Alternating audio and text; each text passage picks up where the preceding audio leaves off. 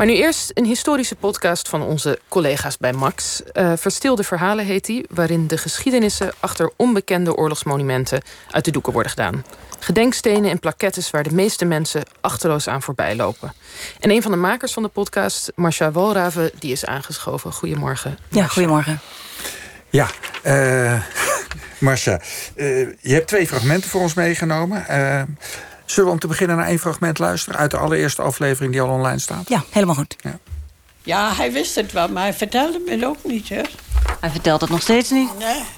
Hij heeft na de oorlog hij pas gerealiseerd... dat de Joden zaten en dat die mensen op die kampweg allemaal weg. Ik denk, ja, die worden weer verplaatst, dacht ik.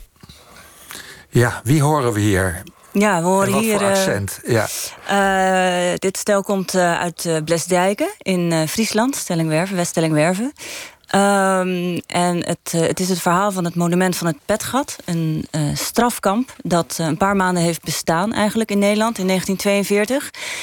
het was een strafkamp waar ongeveer 170 Joden in zaten... voordat ze werden afgevoerd naar Westerbork en verder richting Duitsland en Polen.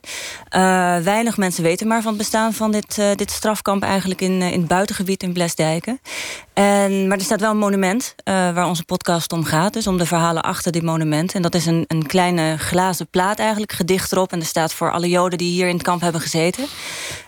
Dat vonden wij zo intrigerend dat wij daar meer over wilden weten. En ja, toen ben ik uiteindelijk bij deze mensen gekomen. Um, hij was namelijk de kampbewaker van uh, de Joden die daar zaten. En we horen de, vrou de, de vrouw We horen zijn vrouw, inderdaad. Dat hij er niks van wist. Ja, um, ik ben hen op gaan zoeken. Ze waren allebei 97 en doof. Uh, ik ben ze op gaan zoeken in een verpleeghuis waar ze uh, zitten, in, in Wolfga. En uh, het was, ja, het was eigenlijk een hele rare situatie. Want je vraagt iemand naar de, de situatie toen... waarin hij de Joden moest bewaken voordat ze gewoon werden afgevoerd. Um, dat leverde wat spanning op. En uh, die vrouw wist het nog heel goed. En die man zei eigenlijk... eerste keer dat ik daar was van ja, inderdaad... ja, ik wist het wel, ik moest Joden bewaken. Toen kwam ik terug, want ik werd de eerste keer werd ik eruit gegooid eigenlijk. Ben ik teruggegaan. Um, en toen zei hij ja, ik weet het allemaal niet meer. Nee, ik weet het al meer. En die, die, die spanning, eh, want die vrouw zei... ja, ik weet het nog donders goed. Um, die voelde je heel erg. En die voel je ook in die podcast, zeg maar. Want uh, ja, ja, ze denken erover na. Hij denkt erover na. Naar wat heb ik eigenlijk toen gedaan. En het, ja, wat dat betreft is, het, is dat een, een, een heel mooi spanningsveld geworden in die podcast. Het zijn dus ook eh, mensen die je hebt gesproken... want het gaat over onbekende monumenten.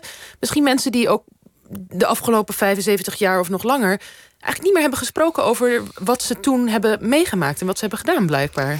Nee, ja, uh, sporadisch. Uh, maar wat we tegen zijn gekomen, dat mensen zelf niet tegen hun kinderen en zo uh, hierover hebben gesproken. Um, en dat, dat is wel echt uh, heel bijzonder aan, aan deze podcast. Vaak hebben ze heel kleinschalig, omdat we lokaal zitten. Hè, vaak hebben ze misschien tegen een lokale journalist of, of een schrijver wel nog iets verteld. maar niet heel groot. En deze bewaker, ja, weet je, zegt nooit nooit. Hè, dat is altijd.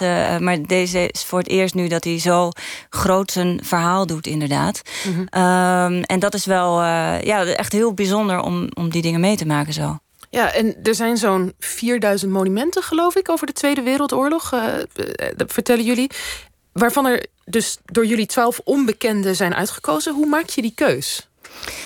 Dat is heel lastig, maar uh, uh, we wilden echt de, de, dingen waar je aan voorbij loopt. Hè. Dat was ons uitgangspunt. Van, uh, we lopen namelijk dagelijks langs oorlogsmonumenten... waarvan we eigenlijk niet weten wat er is gebeurd in Nederland. We willen niet naar het monument op de Dam. We willen niet verhalen uit Den Haag, Utrecht, Rotterdam. We willen echt de rest van Nederland... waar zo ontiegelijk veel gebeurd is. Weet je, er zijn stenen waar dan een naam op staat... en een datum erbij, 1943. Geen idee, wat zou daar gebeurd zijn? Plakettes met drie namen erop. Ja, we weten het niet. Er staat ook geen informatiebordje bij. En er zijn er zoveel van. En er zitten prachtige verhalen achter. En, en ja, tragedisch. Uh, maar ook hele mooie uh, uh, dingen. Die, ja, die laat zien wat er in Nederland gebeurd is. Het is nu vandaag natuurlijk ook de herdenking van Auschwitz. Dat is zo groot. Hè? De oorlog is, is heel groot. Al die namen die weer worden voorgelezen. Maar achter al die namen zit ook natuurlijk een heel verhaal. Wie waren ze? Wat voor gezin? En dat was ook uh, niet alleen maar met Joden, maar ook met uh, uh, andere mensen binnen Nederland.